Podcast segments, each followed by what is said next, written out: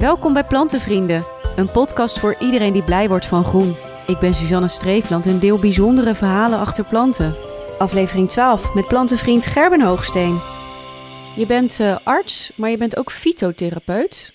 Wat is dat? Fytotherapeut wil zeggen dat je op een professionele manier bezig bent met planten en eh, het behandelen van mensen met uh, chronische aandoeningen over het algemeen. Het is plantengeneeskunde. Ja, het is plantengeneeskunde, maar dan echt de moderne plantengeneeskunde. Dus dat betekent dat je uh, preparaten gebruikt die goed onderzocht zijn en waarvan de werking ook over het algemeen goed bekend is.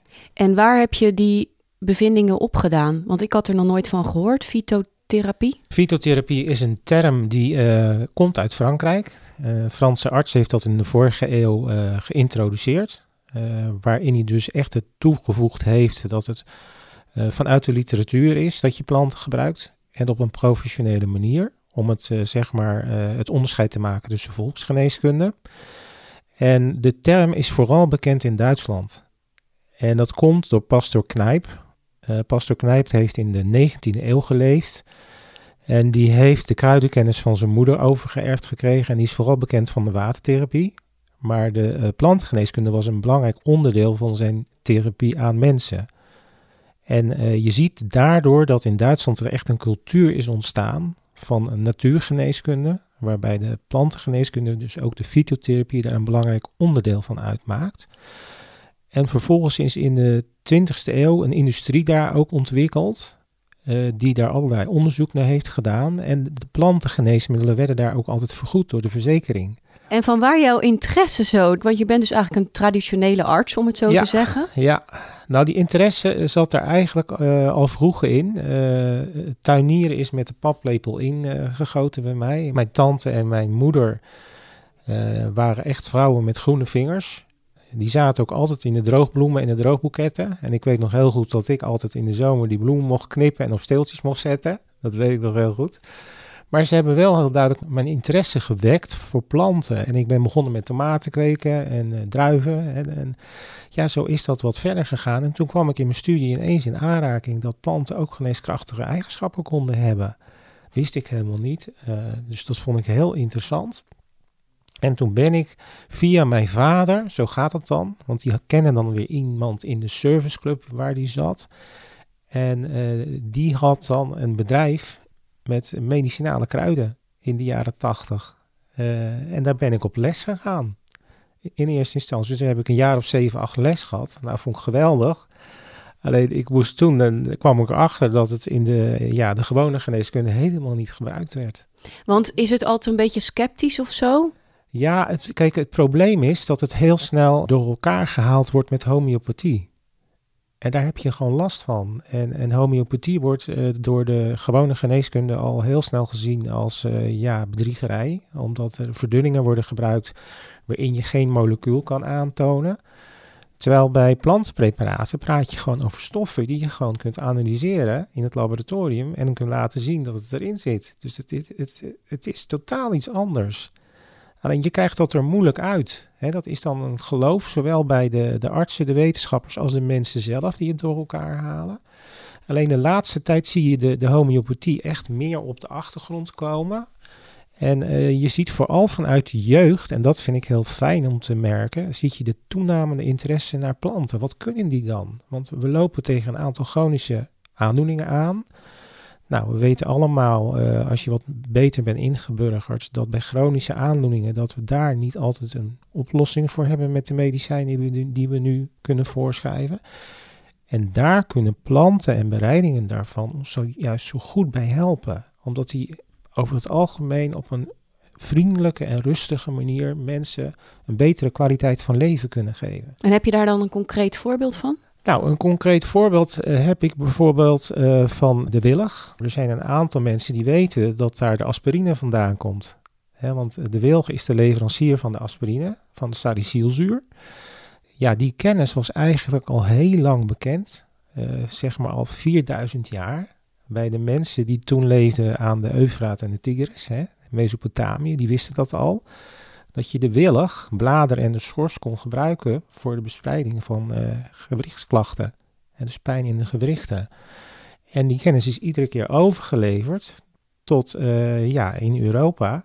En op een gegeven moment zijn uh, scheikundigen en apothekers in de 19e eeuw ermee begonnen om stoffen te isoleren. En toen zijn ze er ook achter gekomen dat salicine de werkzame stof van de wilgebast was. En vervolgens hebben ze het verder uh, onderzocht en was uiteindelijk Bayer eind 19e eeuw in staat om aspirine op de markt te brengen. En dat is toen uitgebreid voorgeschreven in de 20e eeuw. En het probleem is dat het wel bijwerkingen geeft. Want je kan er last van je maag van krijgen. En het kan ook je, je bloed verdunnen. Nou, en het mooie dan van een plant is, en in dit geval bij de wilgebast zie je dat heel goed, is dat de natuur er al voor gezorgd heeft dat je daar geen last van hebt. Want wat de industrie gemaakt heeft, dat is de acetylsalicylzuur. En dat geeft nou net de problemen. En dat is het chemische proces wat ze hebben omgezet. Ja, terwijl de plant, die heeft salicine en dat doet niks op je maag.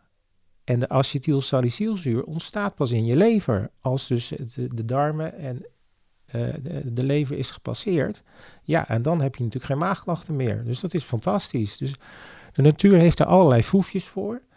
Uh, bovendien is het zo dat in de wilgebast waarschijnlijk meerdere stoffen zitten die verantwoordelijk zijn voor het effect, waardoor het ook goed pijn kan stillen en ontstekingen kan remmen. Nou, en als je dan weet dat we ook zo langzamerhand moeten gaan kijken naar het milieu, hè, uh, uh, verschillende ontstekingsremmers en pijnstillers krijgen we niet meer weg uit het milieu en komen ook al in het drinkwater voor. Ja, omdat wij het weer uitplassen, die pijnstillers. Ja, we plassen het weer uit en het kan niet verwerkt worden in de natuur. En eh, de drinkwaterbedrijven krijgen er steeds meer moeite mee om het eruit te halen. Een voorbeeld is diclofenac, wat heel veel wordt voorgeschreven. En wat we gewoon niet meer eruit krijgen. En als je dan wilgebast daarvoor gebruikt, en dat heeft een vergelijkbare werking als diclofenac, dan kun je daar mensen heel goed mee helpen. En ik zie dat ook. Ik heb al verschillende mensen met artrose, want daar heb je het dan vooral over, en rugklachten, die je heel gewoon met dat wilge-extract kan helpen. Dus dat is, ja, dat is gewoon fantastisch. En bijwerkingen, wat ik tot nu toe zie, zijn ze er niet. Maar hoeveel kennis moet je er dan van hebben? Want zou ik uit de boomschors van een wilg, zou ik daar gewoon zelf dat eruit kunnen halen? Ik snap wat je bedoelt. Ik, nee, dat denk ik niet. Uh, waar het om gaat, en dat is nou weer fytotherapie. Echte fytotherapie is dat je zorgt dat je een kwalitatief hoogstaand product hebt. Dus dat wil zeggen, het verbouwen van zoiets en het oogsten van zoiets, dat is een vak. Je moet precies weten, oké, ik moet het zo verbouwen. Ik moet daar monsters van nemen, want er moet voldoende inhoudstof in zitten waar, wat je wil. Hè. In de wilgebast zit salicine en er moet gewoon zoveel procent in zitten, want anders is de oogst gewoon niet goed. Nou, het, het droogproces en hoe je dat moet bereiden, dat heet Good Manufacturing Practice, is ook een vak. En als je dat allemaal goed doorloopt, dan mag je het ook registreren. En dan is het een traditioneel plantaardig geneesmiddel. En het voordeel daarvan is dat je in ieder geval weet dat het kwaliteit is.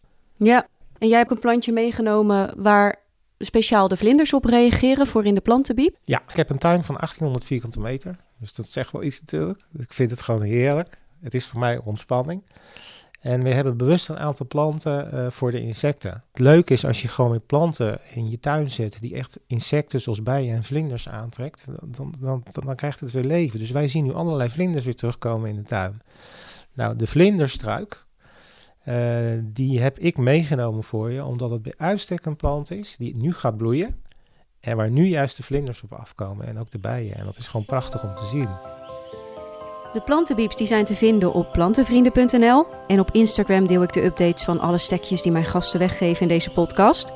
Heb je zelf een verhaal te delen? Dan kan je dat mailen naar podcast.plantenvrienden.nl.